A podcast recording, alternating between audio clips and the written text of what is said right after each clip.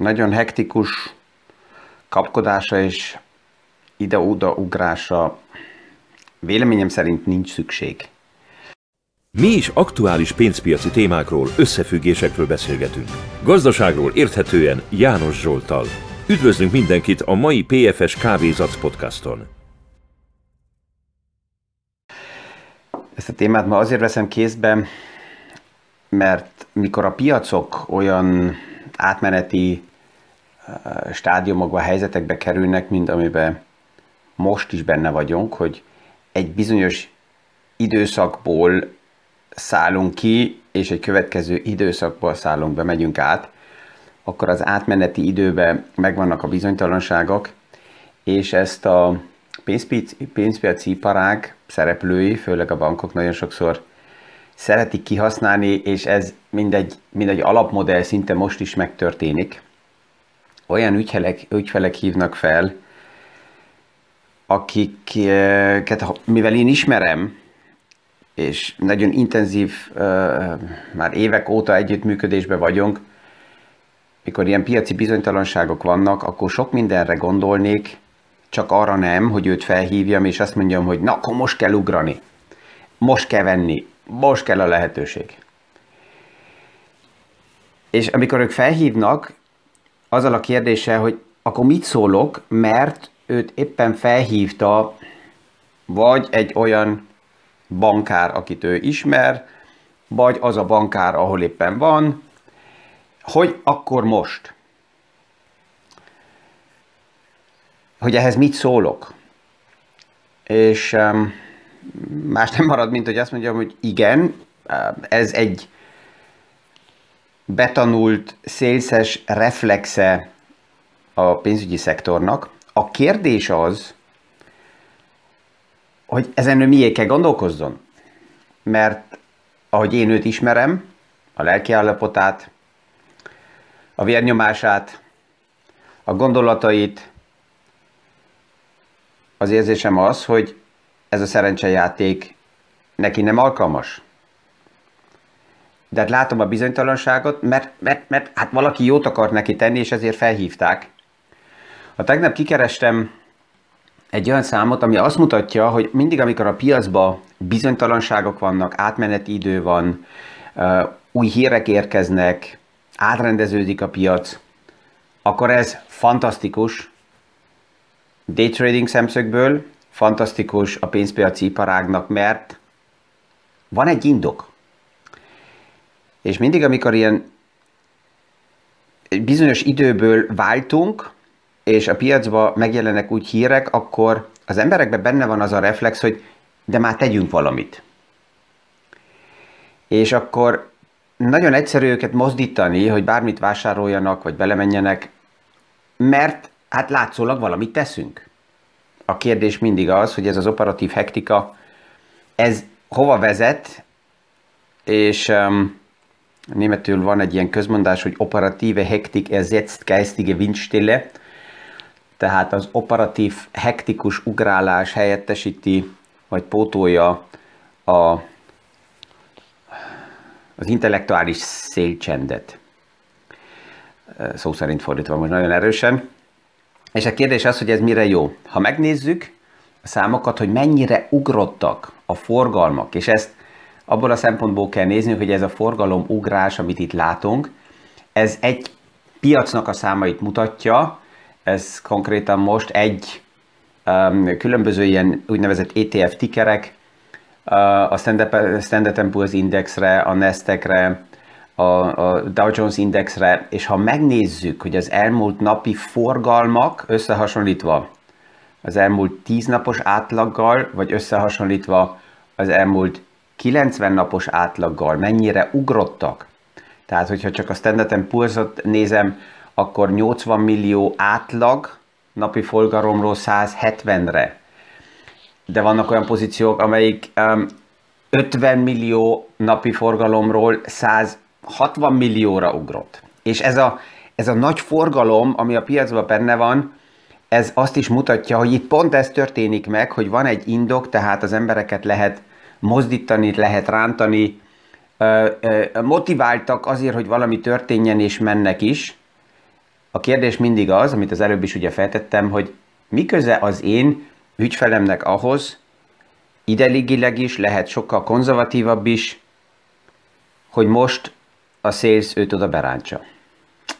De hát um, megakadályozni nem lehet, mert persze, hogy pont ebbe a lépésbe benne van az a verzió is, hogy pont jó volt most. És a mélyponton eltaláltunk valamit. Ez, ez, ez nem egy ügyfél, hanem több, akivel az elmúlt napokban így beszélgettem, aki kérdezte, hogy na de akkor most nem kellene? Ismerve az ő portfólióját, azt kell mondjam, hogy az érzésem az, hogy nem. Uh, nyugodtan nézzük meg, ezt a vihart engedjük el, nem maradunk le semmiről, és azután megnézzük, hogy és hogyha, hogyha tovább is eh, szeretné hallani, de akkor mégis lépjünk, akkor felteszem a kérdést, hogy oké, okay, hogyha most lépünk, és a mai lépésnek még mindig megvan a mínusz 20%-os esélye, mínusz 30, az mindegy? Ja nem, mert azt mondták nekem, hogy erről a szintről már nem lehet tovább lefele. Sajnos minden szintről lehet tovább lefele. Ha valami, bármelyik eszköz mínusz 50%-kal korrigált, hihetetlen, de még egyszer tud mínusz 50%-kal korrigálni, és azután még mindig tud mínusz 50%-kal korrigálni. Minden szintről tud további 50%-kal korrigálni. Addig, amíg nem érkeztünk el a nullára. Tehát csak azért, mert valami erősen korrigált, és erre azt mondani, hogy innen már nem mehet lefele, nem lehet több, sorry, ezt nem így látom, minden innen mehet még lefele. Ez nagyon pessimista megközelítés? Lehet. De benne van az, hogy, hogyha egy, egy portfóliót egyedileg összeállítunk egy ügyfélnél, és erről sokat beszélgetünk azelőtt, és ideális esetben ilyen aktuális piaci helyzet előtt beszéljük meg, hogy hol vannak a korlátok, hol vannak a paraméterek, milyen szinten mit fogunk tenni. Azt mondani, majd ha odaérünk, akkor meglátjuk, ez kevés, mert amit most érzünk, az emóciók, azok nagyon-nagyon erősek.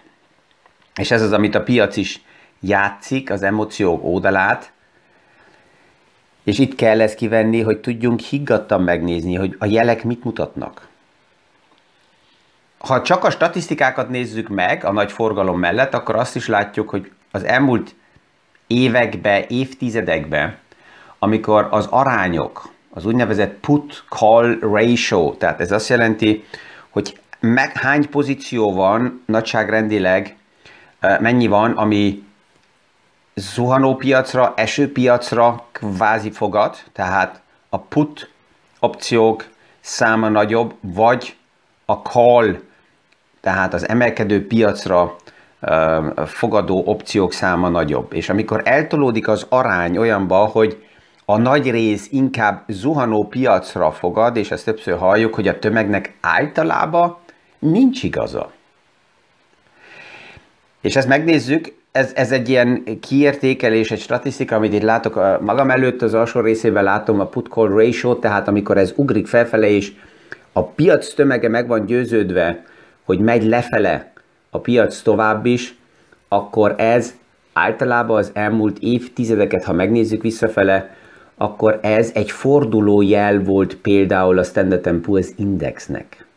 Szinte mindig, amikor ilyen csúcsértékeket láttunk, akkor nem napra pontosan, de nagyon közel volt a piac ahhoz, hogy forduló jelek jelentek meg. Ez garancia, hogy ez így fog tovább menni? Nem. De egy tény, ami nem alapján van megállapítva, hogy akkor most hol van a piac és hol állunk, hanem egyszerűen egy, egy tény, amivel uh, uh, meg tudom nézni, hogy körülbelül milyen keretekben, milyen korlátokban mozgunk. A tegnap meg volt a Fednek a gyűlése, és itt a kérdés volt az előtt is, hogy, hogy mi jöhet, milyen információ, mi lesz a, a, a Fednek a, az üzenete. J. Powell puhább lesz, és azt fogja mondani, hogy jó, alles gut, minden rendben van, um, és nem fogunk annyira is lenni, tehát annyira tovább agresszív, um, hanem egyszerűen megengedjük, hogy nyugodjon meg a piac. Ez alapjában sokkal több bizonytalanságot hozott volna, mert akkor ez azt jelenteni, hogy a háttérben sokkal több olyan probléma van, amit nem látunk, nem ismerünk, lehet, hogy a Fed ezt látja, és ez a piacokat sokkal jobban elbizonytalanítja. Az, hogy a, pia, a, a központi bank most azt mondja, hogy veszünk vissza likviditást, emelünk kamatot, ez alapjában azt jelenti, hogy egészséges a piac. Elég erős a piac, ezt ki tudja bírni. Még akkor is, hogyha persze, hogy vannak olyan szereplők, akiknek a kamat emelés az nem olyan egyszerű sztori. És ez, ez, a, ez a lépése a, a Fednek, tehát véleményem szerint ez szükséges és fontos, hogy pont ebbe az irányba menjen. Hogy ez a piacnak nem tetszik, hát no, ná, nem tetszik. Ha ma megvan a parti, és jó a hangulat, és jön az anyag, és pff, jön valaki, és azt mondja, hogy oké, okay, fiúk, hónap reggel fel kell kelni, és ezért most vége a partinak, tehát többet nincsen uh, utánpótlás, akkor a nagy hangulatban persze, hogy a partin is azt mondják, hogy ez nem tetszik, és nem akarunk hazamenni, és menjen tovább a buli. So what? Ezen túl kell tegyük magunkat, mert megy tovább az élet. Ami fontos, hogy megnézzük, hogy mi, az alternatíva, és erről ugye többször beszéltem, tehát azzal nem, nem teljesen értek egyet, hogy, hogy, hogy nincsen más alternatíva, tehát ez a TINA lerövidítés, hogy there is no alternative, mindig van alternatíva, de érdemes azt is megnézni, hogy, hogy mi van a mögött, és ami pillanatilag így csendesen a háttérbe, mert mindenki most a tőkepia, tehát a tőzsdére figyel, és a részvényeket nézi, a kriptovilágot figyeli, um, azokat az eszközöket, amelyek sokkal gyorsabban és szenzibilisabban reagálnak változásokra, a közben a háttérben a kötvénypiac nagyon nagy nyomás alatt van. És, és ez, ez az, ami a következő hónapok, évek kérdése lesz, hogy ha ma azt mondanám, hogy egy egészséges részvényportfólióból kiszállok, és átmegyek konzervatívabb eszközökbe. Konzervatívabb eszköznek pillanatnyilag két eszközkategória uh, nyilvánul az egyik, nona, cash, a másik a kötvények. Tehát ha ma ingadozásokból, és mivel nem tudom ezt kezelni a részvénypiacba, kiszállok cash és kötvénybe, tehát átmegyek újra fiát sztoriba, akkor ott egészen más problémákkal nézek szembe. Az egyik, hogy tovább is megmarad, ha tetszik, ha nem, az infláció kérdése, és a következő napokban erről még fogunk beszélgetni, mert nem rémhírként, hanem elég fundamentálisan alátámasztott tények alapján akár 12-13 százalékos dollárinfláció jele is jöhetnek, és ezeknek konzekvenciája lesz, főleg a fiát eszközökre, tehát kötvény, tehát cash eszközökre. És ezekkel foglalkozni érdemes, mert az mutatja meg, hogy oké, okay, hogy néznek ki az alternatívák, hogyha ma vagyon megfelelően kezelek, és akkor is, hogyha ma kilengések vannak a részvénypiacokon, miért érdemes pont ezekkel a körülményekkel, ezekkel a paraméterekkel az egészséges globális részvényportfólió mellett kitartani és maradni, mert ez tudja nekem stabilabban az inflációt is kompenzálni, és akár a kötvényekre a nyomást is, hogyha a kamatom emelkednek kompenzálni. Múlt héten ugye beszélgettünk arról, hogy megérkezett a német 10 éves államkötvény nulla kamat szintre, tehát már nem negatív. De hogy ez a háttérben mit jelent, hogy ezzel az emelkedéssel a 10 éves eddig létező kötvényeknek az árfolyama nagyon erősen visszacsökken, és 10% árfolyam csökkenés kötvényeknél az egy radikális szám és ez csak egy 10 éves kötvényről beszélünk, hogyha 30 éves, 50 éves, 100 éves kötvényeket veszünk kézbe, akkor itt az árfolyam kilengések még radikálisabbak. Vannak olyan vagyonkezelők, akik szépre tudják beszélni a kötvény árfolyam ingadozását, mert azt mondják, hogy én nominális értékkel, tehát százzal bevásároltam, és ez így is marad a könyvekbe, ha kapok kamatot, ezt elkönyvelem, és kész. De vannak olyan vagyonkezelők, nyugdíjpénztárak, életbiztosítók, amelyikek az aktuális árfolyamokat is kell nézzék, és hogyha a kötvényeknek az árfolyama bizonyos szintek alá csökkent, akkor ők el kell adjanak. És ez indíthat további kamatemelés olyan eladási hullámot el, főleg a kötvénypiacba, amelyik nagyobb problémákat tud okozni, és, és ezért beszélek erről, hogy menekülni az egyikből egy alternatívába, arra kell figyeljek, hogy az alternatíva, ami rövid időre, mert nem ilyen gyorsan reagál, mint a tőzsde, lehet, hogy stabilabbnak néz ki, de közép-hosszú távra nagyobb problémát fog nekem okozni. A Fed megjegyzésében volt egy ilyen alhang is J. Powell oldaláról, hogy ne az, hogy az infláció értéke emelkedik, és ezért a Fed kell lépéseket tegyen. Ez egy olyan elvárás, ami a Fednek nem fő téma, tehát erre nem kell figyeljen, mert egyre több ember, és most az amerikai piacról van szó, egyre több ember fektet be, ott van a tőzsdéken, akár a privátok is, és ha megnézzük, hogy az elmúlt években mennyire emelkedtek a fő indexek, akkor a Fed azt mondja, hogy nem kell sírni az infláció miatt, hát a részvénybefektetések kompenzálják az inflációt, um, tehát ez megtartja az arányt. Ezen most lehetne filozófálni nagyon hosszú ideig, de az a, a lényeges, a továbbiakban tovább is az lesz, hogy ez az átmeneti időszak, és ezt a tegnap is már kézbe vettem, de ezt újra és újra a következő hónapokban uh, fogjuk nézni, hogy a vállalatoknak a nyereségük és az elvárások, hogy milyen nyereségeket érnek el, ezek a számok fogják visszavezetni a gazdaságot újra a normális szintekre, azok a negyedéves bejelentések, amit a hallunk, ezek persze, hogy mindig torzítanak. Tehát, hogyha csak megnézzük, hogy 2019-ről 2020-ra negatívak voltak a számok. Miért? Hát ott belementünk a lockdownba, és összehasonlítva egy évvel azelőtt úgy nézett ki, hogy a számok nem olyan jók. Ezért is azonnal a piac korrigált egy nagyon erős szintre ami azután következett ilyen 2020 év közepétől 2021 szinte év végéig, az megint azért egy nagyon erősen torzító kép, mert ugye egy visszacsökkent alappal összehasonlítani egy normális növekedést, hát ez durva. Tehát, hogyha megnézzük, hogy például 2020 második negyedévében a cégek eh, eredménybejelentése mínusz 40 százalék, vagy mínusz 34 százalék volt akkor azt jelenti, hogy a 100-ból visszamentünk 64-re.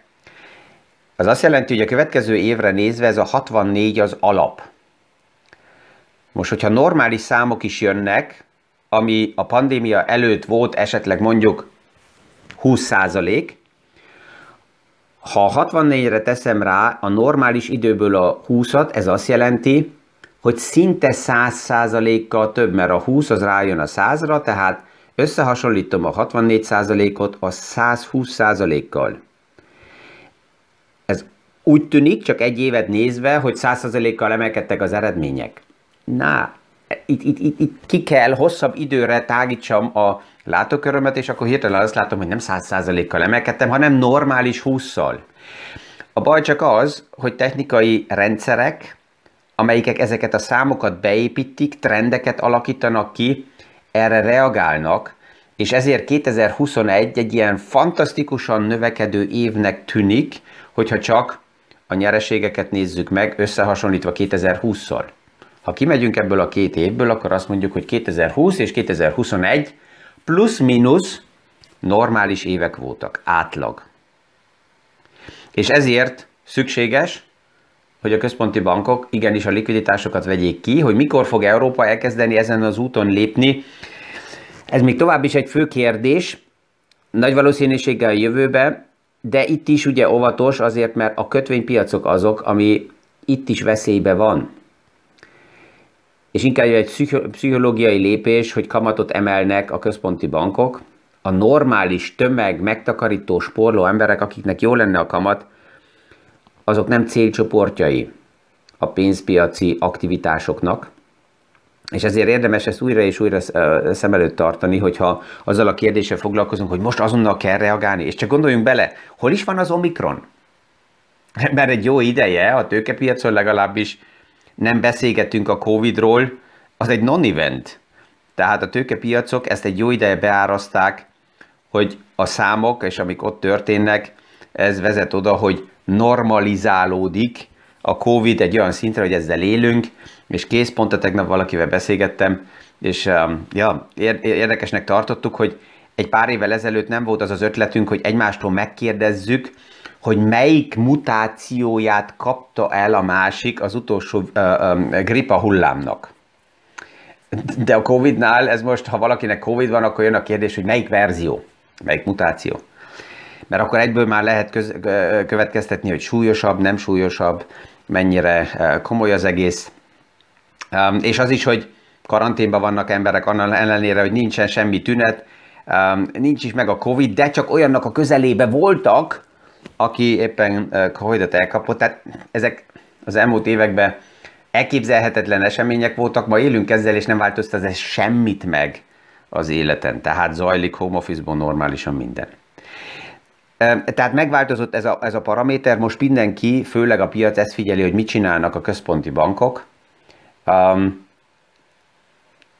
tehát ebből hektikusan ide-oda ugrálni, véleményem szerint, de mindenki azt csinál, amire éppen kedve van, nem szükséges, hanem úgy, mint eddig is, nyugodtan, higgadtan kívülről nézni, mi passzol hozzám, milyen az alapportfólióm, milyen állítottam azt össze, és ezzel nyugodtan menni tovább. Ezzel ma is kellemes napot kívánok mindenkinek, sikeres tárgyalásokat, és a viszonhallásra a hónap reggeli PFS Kávézatsz podcastig. Mi is aktuális pénzpiaci témákról, összefüggésekről beszélgetünk. Gazdaságról érthetően János Zsoltal. Üdvözlünk mindenkit a mai PFS Kávézatsz podcaston!